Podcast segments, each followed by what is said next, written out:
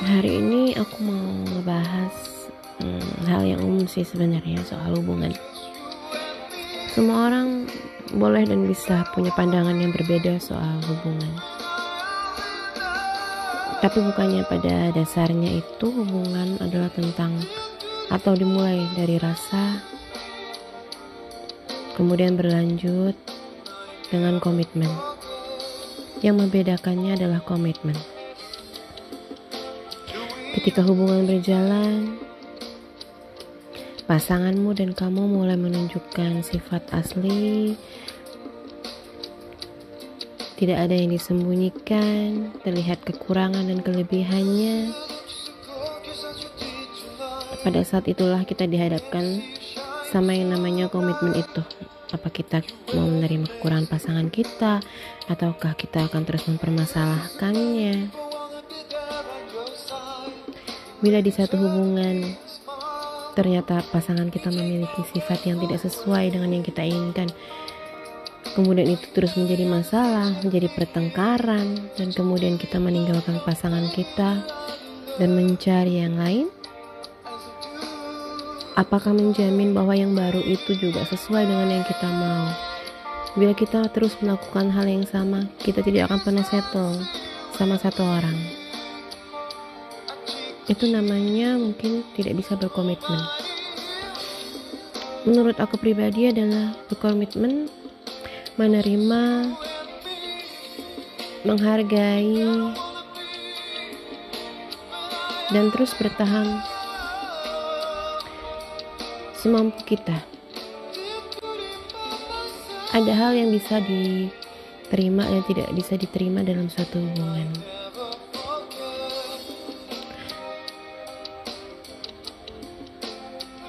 Tentang perbedaan uh, sifat, tentang perbedaan keinginan, tentang perbedaan pandangan. Menurut aku itu adalah hal yang biasa. Kalau itu terus diper uh, tengkarkan, dipertanyakan, tidak ada yang mengalah. Sampai kapan pun tidak akan ada titik temunya, mau dengan siapa pun. Dan menurut aku kalau kita sayang sama seseorang,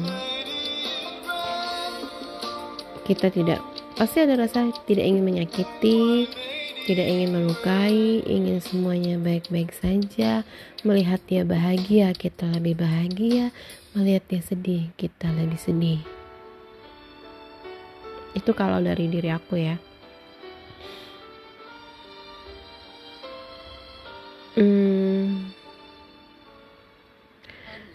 Ada sebuah uh, cerita yang ingin aku bagikan.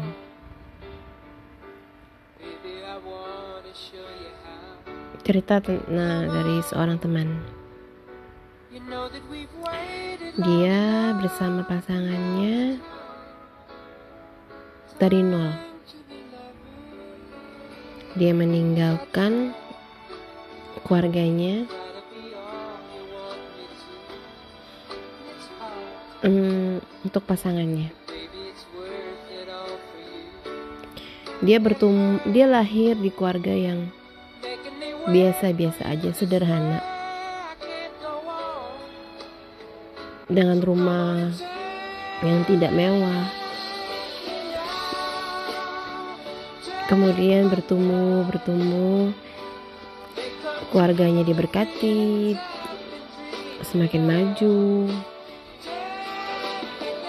dan puji Tuhan dia besar dalam keadaan yang berkecupak berkecukupan. Singkat cerita dia bertemu dengan seseorang.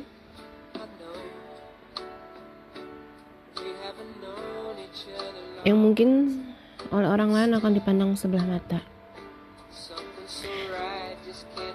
Tapi dia memilih memilih memilih laki-laki ini tidak memperdulikan apa kata orang tidak memperdulikan nah, cibiran orang, pendapat orang. Karena buat dia materi itu bisa dicari. Yang penting pasangannya adalah seorang pekerja keras. Dia ingin bersama pasangannya mensupportnya dengan seluruh tenaganya dan dengan seluruh kekuatannya.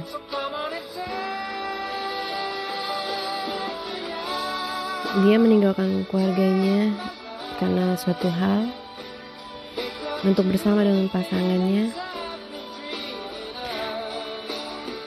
Membangun dari nol dia meninggalkan apa yang dia punya untuk pasangannya mensupport pasangannya dari nol. Menangis bersama tertawa bersama dikucilkan bersama hanya cuma punya satu sama lain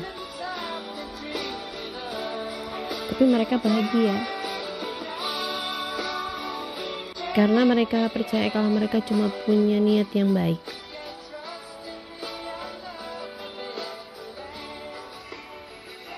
Perjalanan penuh dengan cobaan, penuh dengan tantangan. Benar, sungguh-sungguh tidak mudah. Ketika kita tidak punya apa-apa, selalu datang orang-orang yang malah ingin memanfaatkan kita, tapi kita selalu menghadapi dengan sabar. Perempuan itu percaya bahwa segala sesuatu yang Walaupun tidak baik, walaupun menyusahkan, segala cobaan bila diterima dengan ikhlas, tidak membalas, Tuhan akan memberi jauh lebih banyak. Dan itu terbukti. Perjalanan waktu, kehidupan mereka menjadi lebih baik, lebih baik, jauh lebih baik. Perempuan itu percaya bahwa segala masalah, cobaan, apa pun yang datang dari luar. Selama mereka berdua terus berpegangan erat, mereka pasti bisa menghadapinya. Tapi perempuan itu tidak tidak pernah terpikir bila mereka tidak bisa menghadapi hal atau cobaan atau godaan yang datang dari diri sendiri.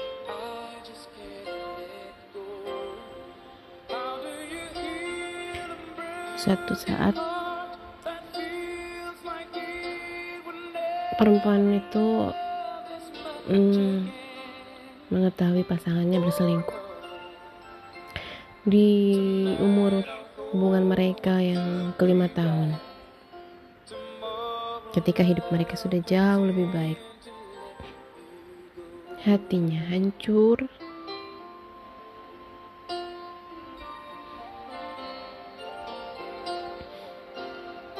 Dia menangis, dia merasa tidak berdaya.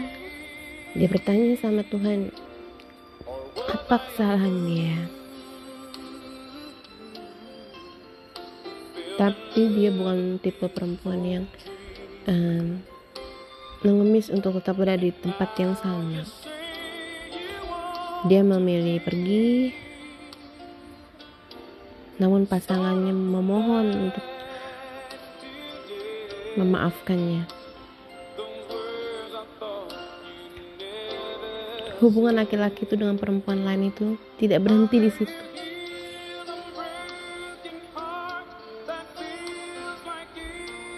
Ada beberapa banyak kebohongan yang teman saya tahu namun tetap menahan. Laki-laki itu tidak bisa lepas dari selingkuhannya begitu saja karena dia mungkin sudah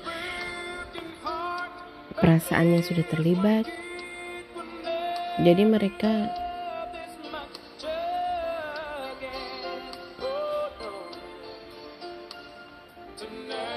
berhubungan masih berhubungan beberapa saat di belakang sang perempuan. Dan sang perempuan tahu itu. Namun dia berusaha memahami mungkin eh, laki-laki ini butuh waktu untuk melupakan perempuan itu. Seberapapun sakitnya hatinya dia bersabar menunggu. Sampai laki-laki itu sungguh-sungguh melepaskan dan melupakan perempuan itu. Namun perjalanannya tidak semudah itu penuh dengan drama.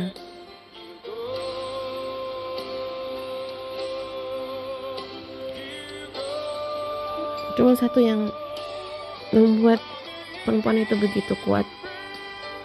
Karena dia tahu dia nggak sendiri dari sejak awal dia memulai semua dan dari sejak entah dia selalu merasa ada Tuhan di sebelahnya dia selalu menangis kepada Tuhannya dia selalu merasa Tuhan selalu menggandeng tangannya, memeluknya. Itu yang membuat dia kuat dan bisa bersabar dan ikhlas.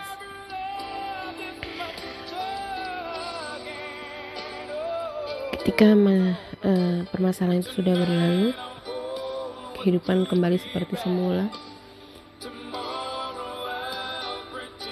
Perempuan itu tahu bahwa hal seperti itu tidak mungkin lupa. Tidak mungkin bisa lepas. Seandainya dia bisa meminta dia ingin meminta Tuhan bisa membuat dia lupa. Bila ada obatnya dia pengen lupa yang pernah terjadi sehingga tidak ada bekasnya di hati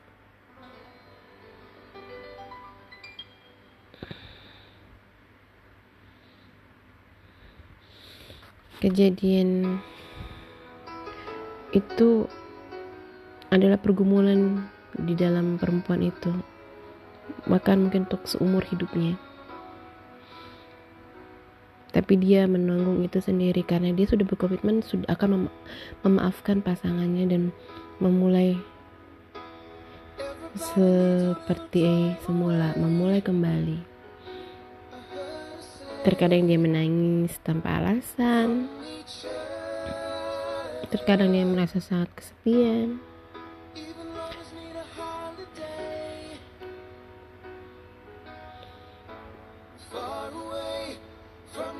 Dia juga memiliki masalah temperamen dengan laki-laki itu. Dia tidak mengerti kenapa laki-laki itu terkadang memperlakukan dia sangat buruk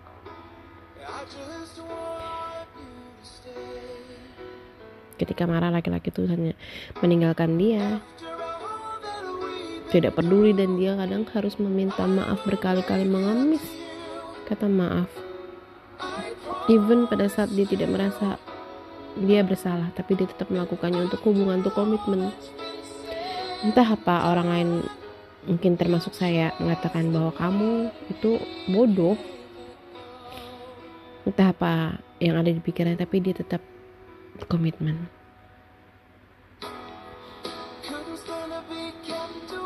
pertengkaran di antara mereka tidak lagi sama seperti awal-awal. Perempuan ini banyak menangis sendiri, merasa tidak disayang, merasa tidak dihargai. Tapi dia memikirkan banyak hal ke depan sehingga memutuskan untuk tetap bersama. Di tahun ke-10 hal yang sama terulang. Laki-laki ini berselingkuh, tapi terus mengelak-mengelak sampai akhirnya mengakui sendiri. Walaupun perempuan ini sudah tahu dari awal dan berusaha mendiamkannya, karena sudah terlalu amat sangat lelah. Dan seperti hubungan yang sebelumnya pun, kali ini berakhir dengan sangat penuh drama. Yang membuatnya berbeda adalah kali ini perempuan ini merasa dia tidak merasa lagi marah. Dia hanya terdiam. Dia merasa tidak sanggup me memungut lagi serpihan yang mungkin sudah ya memang sudah tidak bisa tapi tetap yang keluar dari mulutnya kepada laki-laki itu adalah aku akan bersama kamu sebisa aku walaupun aku nggak tahu caranya.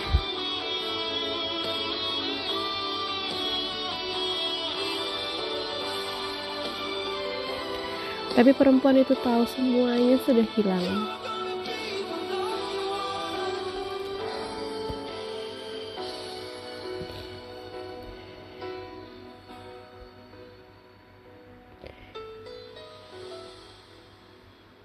mungkin tidak ada yang tahu seberapa perih, seberapa hancur.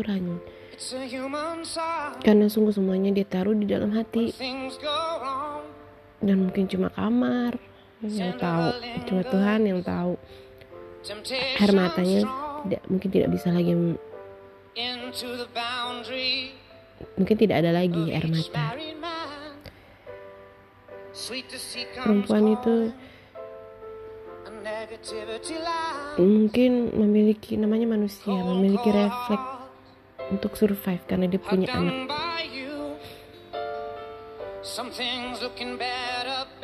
dia menjadi depresi. dia berusaha menahan sendiri di dalam dirinya. kemudian dia dia yang pertamanya adalah menjadi begitu tertutup terhadap uh, pergaulan dengan sesama dengan lawan jenis. Mulai membuka dirinya. Dia merasa I need something gitu. I need I want to be happy gitu. I need a friend dan dia melakukan kesalahan yaitu dia bertemu dengan seseorang dan dia merasa untuk pertama kalinya setelah sekian lama merasa berharga.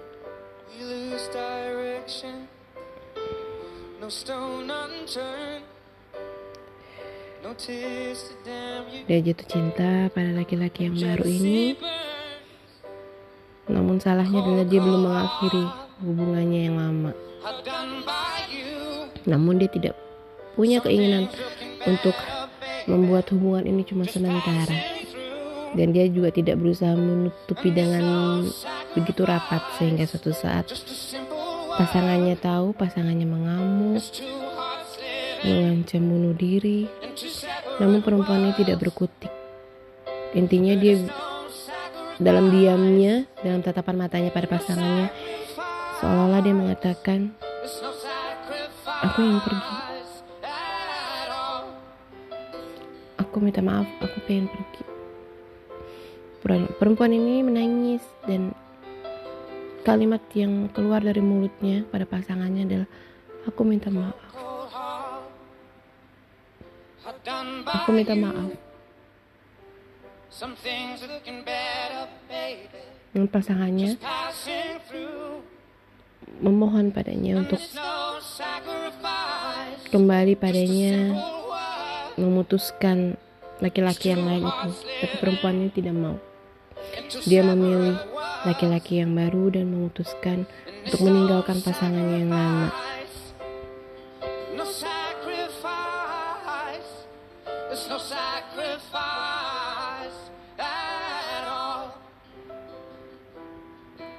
ketika sekarang hmm, pasangannya itu ketika mereka sudah selesai.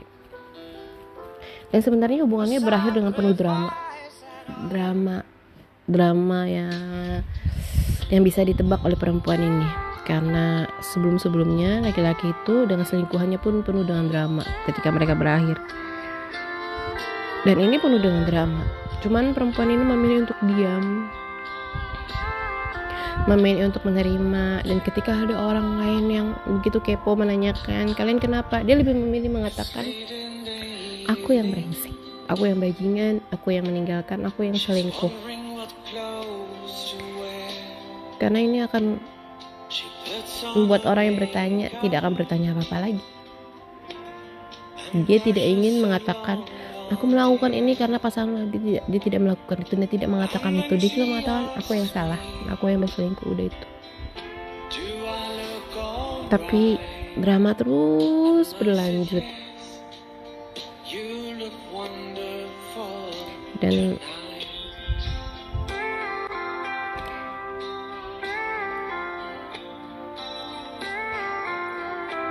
perempuan ini ngerasa mungkin dalam pikirannya ya ya udahlah aku sudah bahagia.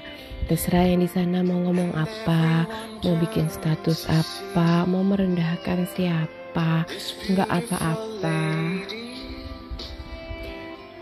Seharusnya yang di sana kan sudah punya pasangan. Bukankah seharusnya lebih fokus sama yang di sana? Tapi dia bilang ya it's okay I'm just gonna be happy with my life now. I'm already apologize aku sudah minta maaf. Aku juga sudah mohon maaf sama Tuhan.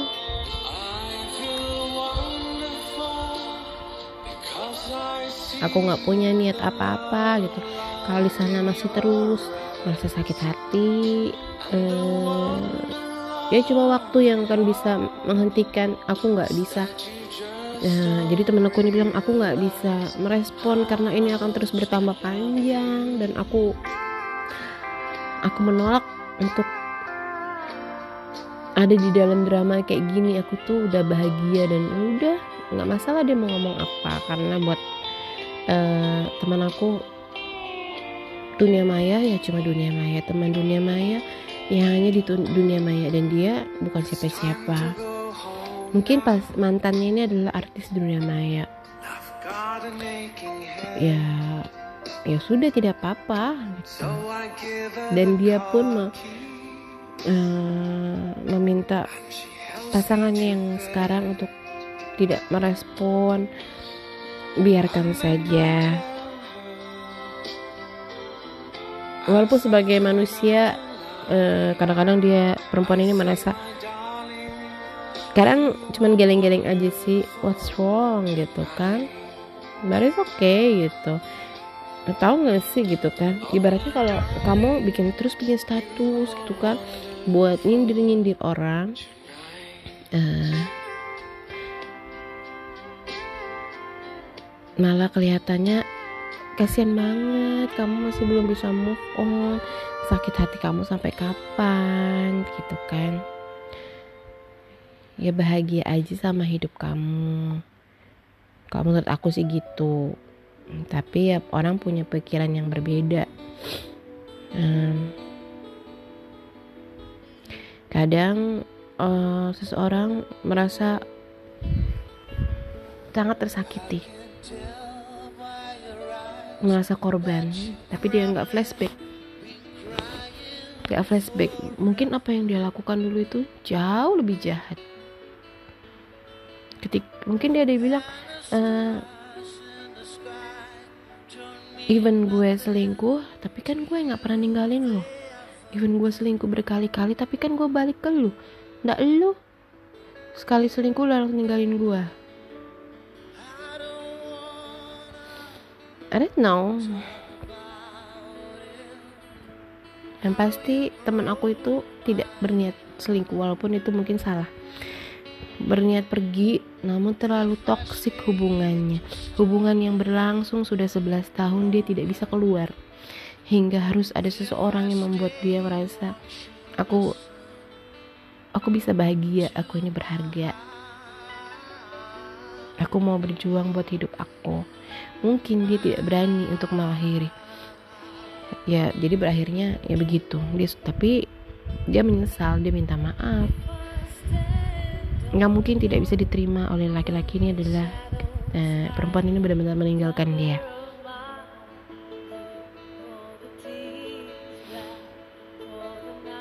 Tapi bisa nggak sih kita ini hmm, kalau aku ya kalau aku ngelakuin uh, suatu hal gitu aku selalu mikir gitu aku kemarin gimana ya? Aku salah ya kadang kita ini berlaku kita playing victim. Gini loh kita ngelakuin hal yang tidak baik. Tapi yang ngerasain orang lain. Kita nggak ngerasa seberapa dampaknya gedenya dampaknya. Jadi kita kita menganggap itu hal sepele ketika orang lain melakukan hal yang sama sama kita. Atau even it's uh, itu nggak seberapa gitu sama kita. Kita merasa sangat sakit hati. Jadi kita ngerasa kita lebih sakit hati daripada yang dulu kita lakuin sama orang lain. Karena kita nggak tahu sakit hatinya dia. Kalau kamu bisa ngerasain sakit hati orang lain maybe you will not survive.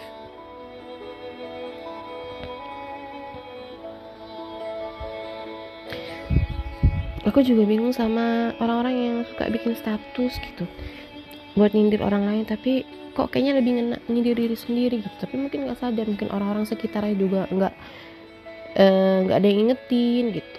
Menurut aku penting juga kita kalau kita punya circle temen itu yang benar-benar positif.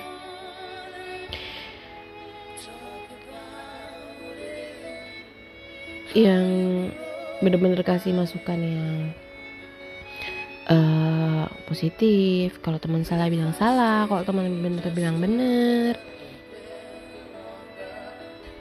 Bukan berpihak bukan yang tiba-tiba uh, mempunyai seperti kayak dikasih wangsit sama sama Tuhan tiba-tiba berlaku layaknya Tuhan. Tapi aku pikir dari hal-hal seperti itu kita malah bisa tahu. Tuhan itu baik banget malah kita bisa tahu mana sih orang yang layak untuk jadi teman kita? Mana yang enggak? Aku tuh nggak pernah berhenti bilang gila Tuhan itu baik banget. Seberapa pun sakit yang dikasih sama kita Tuhan itu benar-benar baik. Pasti ada sesuatu di belakangnya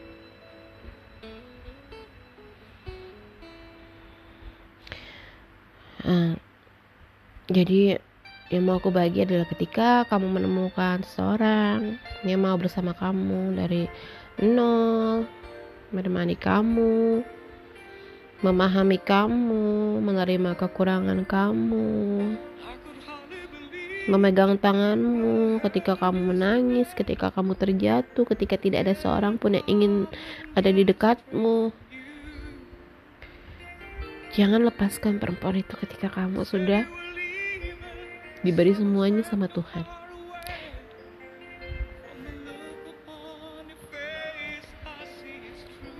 Harusnya dia adalah satu-satunya perempuan yang harus kau jaga selain ibumu.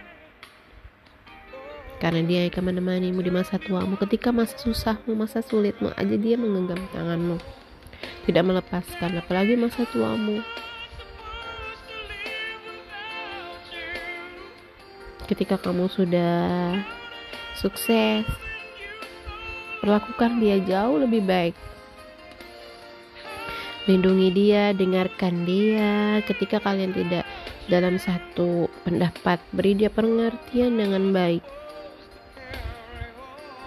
Jadi, uh, seperti kata-kata orang, jadilah imamnya. Karena mungkin dia cuma punya kalian juga gitu. Pasangan itu adalah bukan cuma kekasih tapi teman sahabat kakak semuanya harusnya jadi semuanya jangan ketika kalian sudah kehilangan baru menyesal kemudian dari penyesalan timbul rasa tidak terima kemudian drama timbul rasa sakit hati. Ketika memang semuanya ditakdirkan harus selesai, ikhlaskan biar selesai dengan baik-baik aja. Kalau hal yang menyakitkan, kita ikhlaskan. Tuhan akan ganti yang jauh lebih baik.